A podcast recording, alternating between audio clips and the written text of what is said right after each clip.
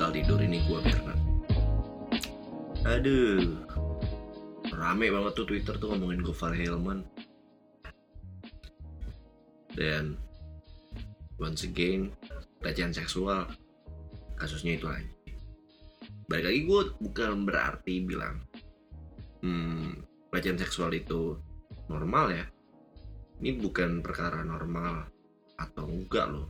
Gue bilang salah. Cuman uh, itu rame banget sob. Dan sampai artis-artis itu ikut mengkomentari dan parah sih maksudnya. Satu-satunya pihak yang tersudutkan adalah Gofar Hilman. Itu sudah bisa dipastikan. Uh, oh nggak mau kita harus mengamini kalau itu semua adalah perilaku bullying ya. Uh, online bullying atau e-bullying apa pun itu sebutannya. Cuman itu bullying. Tapi yang jelas satu perkara pasti akan ada butterfly effect ya. Uh, pelecehan seksual itu pembuktiannya juga gimana ya ngomongnya ya? Dan ini it's kinda serious problem buat gue dan gue tau lu semua pasti berharap ini ini. Ini akan gue bikin clickbait gue ya.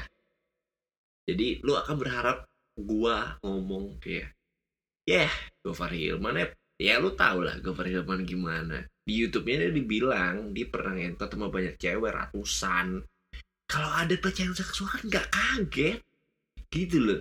Masih iya sih seratus-seratusnya itu concern oh, dia, dia juga selalu akan mengkampanye concern concern dan concernnya itu. Dan itu juga diamini kok sama Lawless yang sampai akhirnya langsung menerbitkan postingan atau konfirmasi atau klarifikasi di mana Lovar Hilman sudah tidak uh, satu manajemen atau tidak jadi bagian dari mereka lagi atau tidak ada di keluarga Lawless lagi. Itu kan yang lu mau? Iya kan enggak sih. Uh, mungkin gue akan sedikit uh, cerita background kenapa gue harus bahas ini.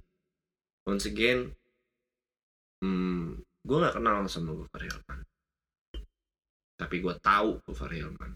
Gue nggak kenal karena kenal itu kan harus ada dua pihak ya.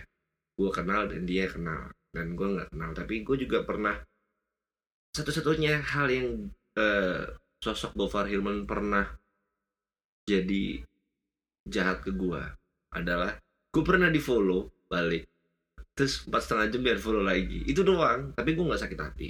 It's fine. Cuman yang jelas ini adalah masalah yang stereotype ya.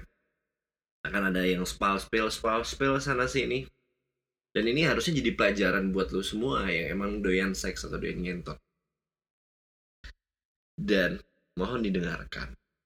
Pada waktu lalu sempat ada kasus yang serupa, tapi tak sama. Mengingat ada kejadian Revina Titi dengan seorang yang mengaku psikolog. Master atau Doctor of Psikolog. Sebenarnya itu adalah gelar kependidikannya dia. Namanya Didi. Kurang lebih berujung di uh, pelaporan pasti. Uh, si A melaporkan si B dan B si eh, dan si B melaporkan si A di kepolisian. Dan itu wajar ya karena negara kita negara hukum. Sorry ya kalau gue sambil ngerokok. Gue nggak terlalu bi apa ya biasa untuk eh, audio friendly yang kayak voice over ngapain juga. Gue nggak lagi ngiklan gitu loh. Uh, ya lu harus tahu gitu loh maksudnya ketika itu relate-nya dengan seks. Apalagi Gofar Hilman menyatakan bahwa oh ya gue sudah tidur sama banyak cewek. Uh, dan kita juga harus paham uh, demografi negara kita di Indonesia. Nggak usah di Indonesia di dunia juga. Ada seksis ada feminis di mana mereka-mereka ini pasti akan tidak terima ketika ada salah satu uh, statement atau apa pun yang kayak ibarat kata merasa meninggikan salah satu pihak yaitu cowok. Pasti kayak wanita-wanita ini akan selalu speak up. Nggak usah wanita ada juga yang bencong-bencong biasanya langsung speak up kayak nggak gitu lu tuh merendahkan harga diri wanita. Hmm, itu kayak simplifikasi dari sebuah kesimpulan yang terlalu gampang ya. Kayak lu pengen dibilang keren karena bisa speak up doang. Mari kita telusuri. Pertama itu tadi dia sudah pernah ngomong tidur sama satu cewek. Dan itu berupa aklamasi ya. Hmm, subjektif banget satu cewek.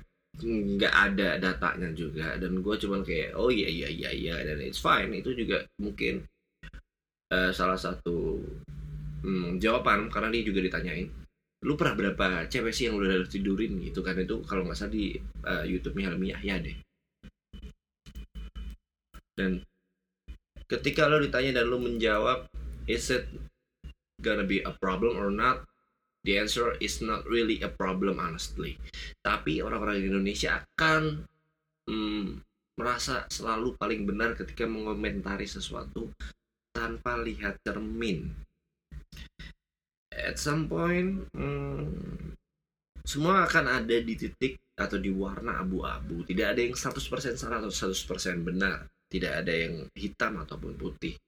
Semua dari abu-abu itu akan ada yang namanya abu-abu gelap atau abu-abu terang gitu loh. Hilman itu pasti akan ada masanya. Ya ketika ngomong satu cewek pernah tidurin pasti ada kaum kaum seksis yang siap menerkam dengan pertanyaan-pertanyaan atau statement-statement atau pernyataan juga yang seakan-akan Hilman itu terlalu merendahkan atau maskulinisme. Apa sih bahasanya? Patriarki gitu gitu loh. Dan hmm, you're not really know about him pastinya. Karena uh, apa ya cowok terbaik eh cowok terbaik teman terbaik mungkin tidak akan melakukan itu. Dan orang yang mengaku teman not really uh, his friend anyway. Hmm, ya ngaku teman mungkin.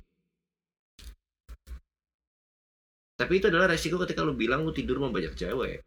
Ada yang sengaja ataupun tidak eh bukan sengaja ataupun tidak ada yang concern ataupun enggak. Anggapannya kan pasti gitu ya. Karena ada yang mungkin kayak wah ini pasti ada yang dilecehkan nih ada yang diperkosa nih pasti gini. Ya balik lagi possibility itu banyak. Dan itu pelajaran.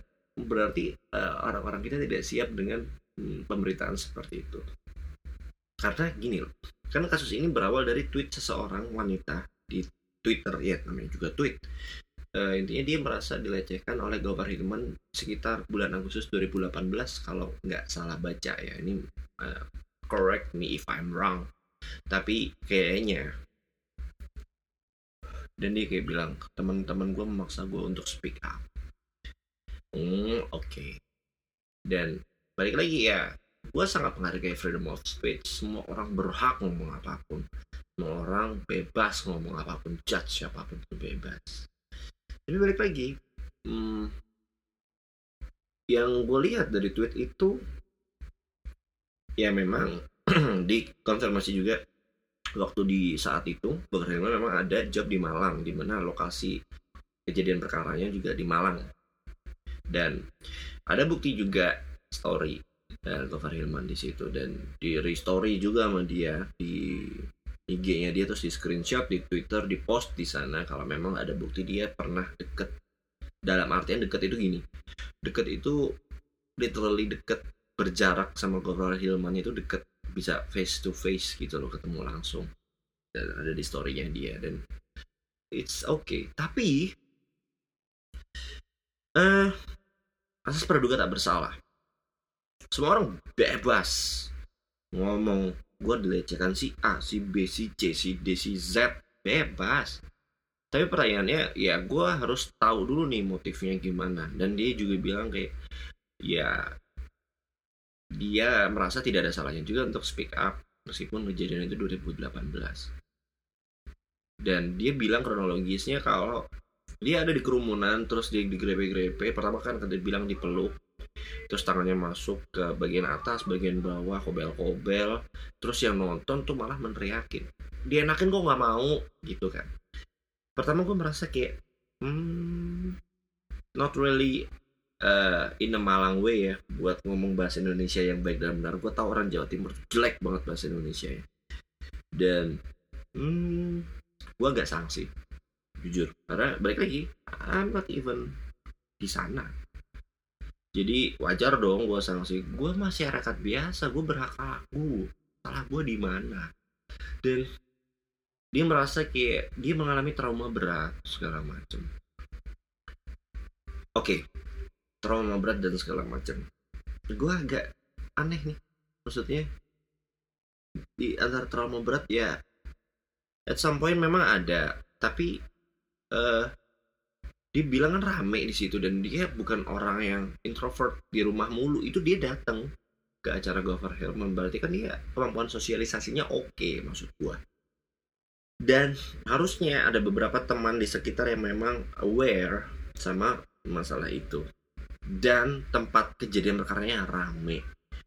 Dan pastinya dia ke sana ada temennya yang nemenin dia ke sana. Enggak yang dia ibarat kata nih kalau gua mensimulasikan di pikiran gue sendiri pesan gojek sendirian cuman demi ketemu Gofar Hilman gue gini possibility-nya banyak banget tapi kayaknya mengerucut di pasti dia bawa temennya ke sana. Dan kayaknya nggak cuma berdua kayak it's kind of weird kalau dia berdua cowok cewek-cewek uh, berdua kalau iya ini juga lucu. Jadi kemungkinannya dia bawa teman ramean ada cowok ada cewek atau dia berdua doang sama temennya cewek tapi karena gue bilang kenapa temennya cewek berdua karena dia nggak mungkin sama temennya cowok berduaan ke uh, dia ngefans sama cowok atau mungkin mengidolakan atau merasa oh di situ di Malang ada artis gitu. Kayak di Jawa Timur lebih tepatnya masih nggak ini ya. Hmm, nggak hmm, bisa terlepas dari sikap norak kalau ada artis datang. Jadi ya gue gua wajar. Hmm, tapi pasti jawabannya pasti ngapain sih datang ke Gofar Hilman? Emang gue nggak cukup buat lo emang gue kurang ganteng apa? Pasti ada jelas-jelas itu. Dan mungkin banyak gak jadinya ya kalau dia ngajak pacarnya cowok ke sana. Dan pastinya cewek. Dan itu pasti fan girling ya. Karena nggak mungkin kalau dia ngajak temennya cewek tapi temennya cewek nggak kenal Gofar Hilman siapa cuma nemenin doang kayaknya mungkin sih mungkin. Tapi kayaknya agak agak kecil kemungkinannya. Jadi gue menyimpulkan ada dua kemungkinan terbesar yaitu dia pergi rame-rame sama cowok dan cewek yang mungkin sama-sama mengidolakan Gofar Hilman dan berdua uh, ataupun lebih tapi cewek semua. Jadi kemungkinannya cuma itu. Di mana harusnya kalau ada kejadian itu uh, kita mengasumsikan saksinya banyak sob. Banyak banget. Dan itu keramaian pasti juga ada pihak berwajib. Dan uh, mungkin buat lu yang nggak tahu kita sama-sama paham dan sadar ketika ada artis maksudnya ada seseorang atau beberapa sekumpulan yang kita anggap lebih terkenal dari kita dan pernah masuk TV, YouTube, TikTok segala macam pasti kamera ada di mana-mana. Banyak banget pada main. In handphonenya kayak nyorot story gitu pasti ada. Dan harusnya pembuktinya di situ ya. Teman-temannya ini pasti juga melakukan itu as simple as that. Kalau memang perilaku itu betul dan uh, harusnya 2018 ke 2021 itu term of uh, time yang cukup panjang ya. Perubahan sikap segala macam masa iya sih temennya pada nggak berani semua buat membantu dia membuat laporan perkara ke polisi uh, sekedar melaporkan aja dulu sebagai inisiasi awal memang mereka uh, meniati untuk menyelesaikan perkara ini secara hukum. Terus uh, yang gue pertanyakan adalah apa motif dia ngeposting? Apakah memang pure untuk uh, mencari dukungan sebanyak-banyaknya atas perilaku itu atau dia pure uh, memang apa ya kasarannya? Sorry itu sih tapi ada kemungkinan atau possibility pansos. Dalam artian ya if we look into her profile picture ya mungkin agak cantik. Di mana it's easy for her to be famous in a short time. Ya viral tiba-tiba maksud gue ya hmm, mungkin mungkin banget. Ya dan gue lihat juga ini orang aktif banget main nge-tweet. Dari kemarin-kemarin gue lihat itu kayak gue nge-scroll tuh susah dan capek jempol gue kayak nge-scroll nge-scroll nge-scroll masih Mei. Nggak ketemu ketemu tahun lalu tahun lalunya gimana 2018 dan gue not done yet buat uh, invest di tweetnya ya si cewek ini. Dan kenapa 2018 ke 2021 ya? Hmm, is it because ini banyak hal dan ini gue harus menghubungkan semuanya karena ibaratnya kita harus uh, memposisikan diri kita sebagai detektif. A curious case of Christopher Hillman. Ibarat kata gitu. Christopher Hillman lagi tinggi tingginya so apalagi dia sudah bisa jual mahal sampai dengan keluar dari radio karena merasa gue bosen nih. Nah kalau orang udah cari duit terus bisa bilang gue bosen nih dia tidak sebutuh duit dulu. Ngerti maksud gue nggak? Oke okay, paham dong dan orang kalau udah di atas tuh musuhnya banyak banget asal lo tahu. Dan hmm, pertanyaan gue itu bisa disuruh siapa dan oleh apa motifnya kita juga masih belum tahu. Is it really happened or not? Kita masih belum tahu. Dan ada juga yang nge-tweet kayak no khusus uh, perkara pelecehan seksual harusnya kasus praduga tak bersalah itu nggak berlaku karena ketika dia bersalah eh karena dia uh, gini gini. Agak susah nih jelasinnya. Dia tetap dianggap bersalah meskipun belum terbukti bersalah selama itu kasusnya pelecehan seksual. Barulah dia akan dianggap tidak bersalah ketika pembuktiannya sudah real dan memang dia tidak bersalah. Hey itu siapa yang bikin? Ada loh undang-undangnya itu. Jangan sembarangan ngomong. Dan di negara kita tetap mengenal asas praduga tak bersalah. Itu tetap ranahnya masuk pencemaran nama baik loh.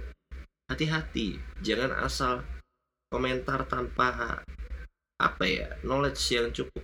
Dan menurut gue Gofar Hilman sangat berhak untuk melaporkan kembali orang ini jika ada memang pencemaran nama baik ya.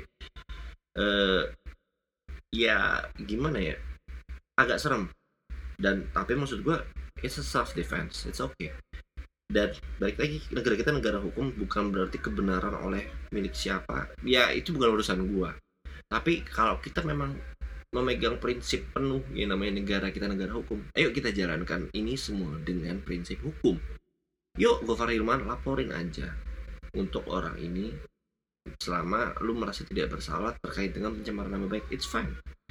Dan di pers pun ini juga berlaku sama semua pers yang ketika berita ini ada mereka tidak fokus pada kasusnya tapi fokus pada pelakunya di mana memang menyudutkan si pelaku terkait dengan uh, konten dia yang bermasalah dengan free sex segala macam terkait edukasi free sex yang baik terkait dia tidur sama banyak cewek.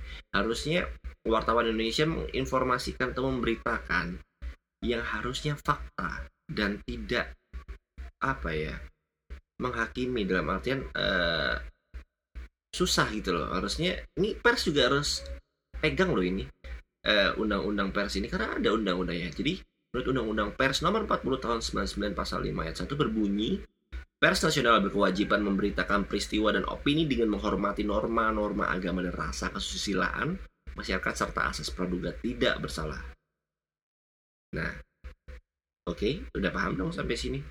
Dan Gubernur sangat berhak untuk melaporkan semua uh, portal berita yang seakan-akan menyudutkan dia. Sangat berhak karena ada undang-undang. Uh, kalau dibilang apakah gue menyetujui perilaku uh, sexual assault tidak jawabannya kalau gue punya anak cewek dan ada cowok yang uh, melakukan sexual assault mungkin hati nurani gue dalam artian sebagai seorang ayah akan lebih duluan menjadikan itu sebagai aturan hukum rimba ya bukan hukum Indonesia. Gue bunuh orangnya sih. Kemungkinan ya gue tidak mengajak untuk membunuh. Tapi ya balik lagi. Itu loh maksud gue kalau misalkan itu orang sekitar maksud gue ini orang backgroundnya gimana sih? Orang tuanya nggak kira sama dia temen-temennya nggak kira sama dia tapi kok bisa dia datang ke tempat kerumunan rame? Ini aneh. Harusnya dia tetap punya circle. Ayo coba pikirin matang-matang. Dan ini kenapa sangat apa ya kebetulan ya ini ada banyak tipe-tipe artis-artis yang carry the trend dan ada itu gue nggak ngerti lagi nih orang ngaku temennya tapi ngomong kayak gitu.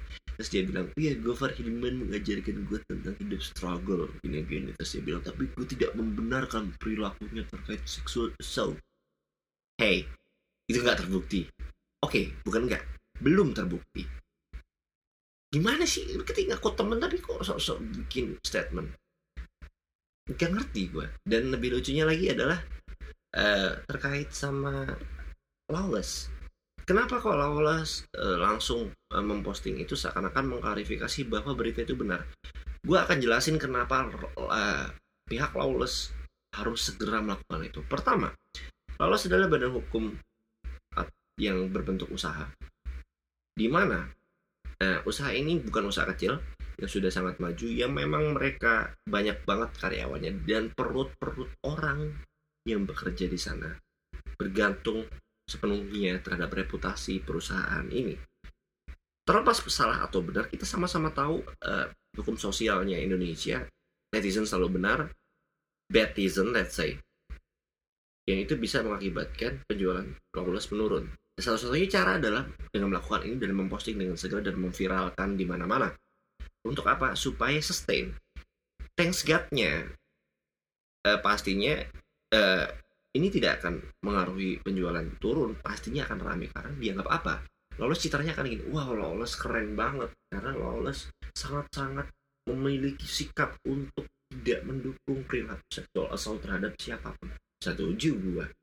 Tapi apakah uh, tidak dipikirkan matang-matang? Sudah sangat matang di belakang itu semua pasti. Lu nggak ngerti apa-apa sob. Tapi bukan berarti mereka membenarkan ya. Kalau berita ini memang terjadi atau uh, teman-temannya yang dilolos memang melihat mereka seperti itu enggak. Tapi ini in the sake of business, we have to save many people inside of this company gitu. Enggak segampang itu. Memang pilihan uh, yang sulit itu adalah memilih yang baik dari yang terbaik. Jadi mana yang paling baik dari yang terbaik ini susah. Tapi ya setiap pilihan pasti akan ada yang dikorbankan. Dan mana yang harus diambil? Gue harus kehilangan teman baik atau gue harus membiarkan karyawan-karyawan gue harus menanggung masalah atas hal ini. Susah sob. Tapi emang ini harus diambil. Itu teman dekatnya dia semua loh tapi ada yang bilang ini gimmick. Enggak itu enggak gimmick. Itu memang keputusan harus diambil. Gue yakin 100% kalau memang ini harus uh, segera diambil dan menurut gue harusnya penjualannya naik ya nggak turun. Itu adalah uh, blessing in disguise. Gue suka sebut kata-kata itu. Blessing in disguise. Hmm. Dan orang-orang ini yang SJW juga teriak-teriak semua. Terus ada yang temunya namanya Kartika Jahja. Kartika Yahya sebutannya di uh, Instagram terus dia bilang banyak hal yang menurut gue informasinya tidak disaring dengan baik ya. Intinya dia yang uh, tidak setuju dengan orang-orang yang mengedepankan asas praduga tak bersalah dari antara kasus uh, sexual assault. Yang menurut gue kayak ini hak orang lain loh kenapa lu ngatur orang harus ngejudge dia padahal dia belum terbukti secara hukum. Lu siapa sih? Dan dia bilang dia merasa oh gue circle Golfa Hilman Aha, Circle Gofar Hillman. Really? You're that strong? Lu sedekat itu? Think again. Tidak semua hal yang lu lihat di internet, di berita, di portal-portal media yang berbasis elektronik ini benar. Yang gue yakini, gue bisa meramalkan dengan sangat gampang dan emang akan ada banyak yang speak up terkait pelecehan Gofar Hilman dengan korban yang lain pasti. Itu akan terjadi. Tapi uh, eh, gue sangat yakin mereka akan kalah di pengadilan. Kenapa? Bukti-buktinya tidak kuat. Ya ini pelajaran juga ya kalau untuk uh, korban terutama. Sexual assault uh, sexual assault memang me, apa ya meninggalkan bekas trauma atas apa yang terjadi pasti cuman please perbanyak knowledge lo untuk self consciousness atau kesadaran diri ketika terjadi segera laporkan supaya berita itu tidak basi atau perkara itu tidak basi dan segera bisa dibuktikan dan pelaku bisa masuk penjara. Kalaupun Gofar Hilman bisa terbukti dalam waktu yang tiga tahun lewat hampir ya, karena Agustus sekarang masih June, hmm, which is menurut gua susah. Kalau memang dia bisa punya bukti segera penjarakan Gofar Hilman. Tapi ini pelajaran juga buat fuckboy fuckboy di luar sana. Uh, agak serem nih. Tapi selama lu nggak terkenal sih aman ya karena Gofar Hilman terkenal dan uh, semua orang mengincar popularitas itu jadi pasti dia akan dijatuhkan dengan cara apa pun termasuk kalaupun ini berita fitnah ya salah satunya adalah sexual assault ya bisa jadi pelecehan doang atau seksual abuse ataupun kekerasan seksual atau seksual assault. Jadi bentuknya macam-macam kalau itu ranahnya masih seksual atau lo terkenal dengan fuckboy. Be careful. Ya saran gue stay sane ya. Tetap waras gitu loh. Jangan judgment karena I don't know with this country. Orang-orang yang suka banget judge dari yang well educated sampai nggak well educated cuman based on media karena dia feminist karena dia sexist. Ya menurut gue fuck you. Ayolah ngomong pakai fakta dan data. Jangan asal ngomong. Balik lagi gue cuma bisa bilang ini nurani gue sih. Siapa pun lu yang merasa korban segera keluar dan tunjukkan di media dan buktikan kalau memang lu benar. Jangan takut jangan mundur perkarakan dan untuk Gofar Hilman uh, jangan takut juga kalau memang lu tidak salah ya. Lu memang sepenuhnya benar jangan takut juga untuk memperkarakan sebaliknya. Stop saying kalau lu baik dan lu tidak memutuskan untuk uh, melanjutkan perkara ini karena hukum. Perkarakan. Laporkan karena dia mencemarkan nama baik lu karena balik lagi lu juga punya karyawan yang harus lu hidupin. Karena di nama besar lu banyak banget tim lu kan lu udah cerita juga. Lu harus defend juga. Karena ini negara hukum whatever what you've done dude yeah, people makes mistake ya.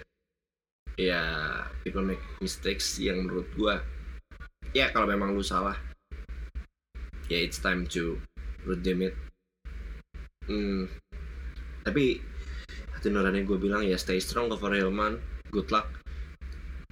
Ya gue butuh konten lagi main ayo originalitas susah dan gue yakin originalitas tuh pasti melewati masalah-masalah kayak gini. Uh, mungkin sedikit hal atau hmm, apa ya kata-kata atau bukan quotes yang jelas. Mungkin kalimat terakhir penutup. Ariel aja bisa survive. Gue Farhilman ayo bangkit. Lu bisa.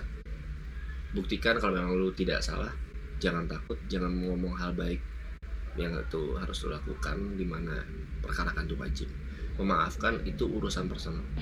Paling segitu dulu dari gue uh, stay safe stay healthy uh, stay critical and see ya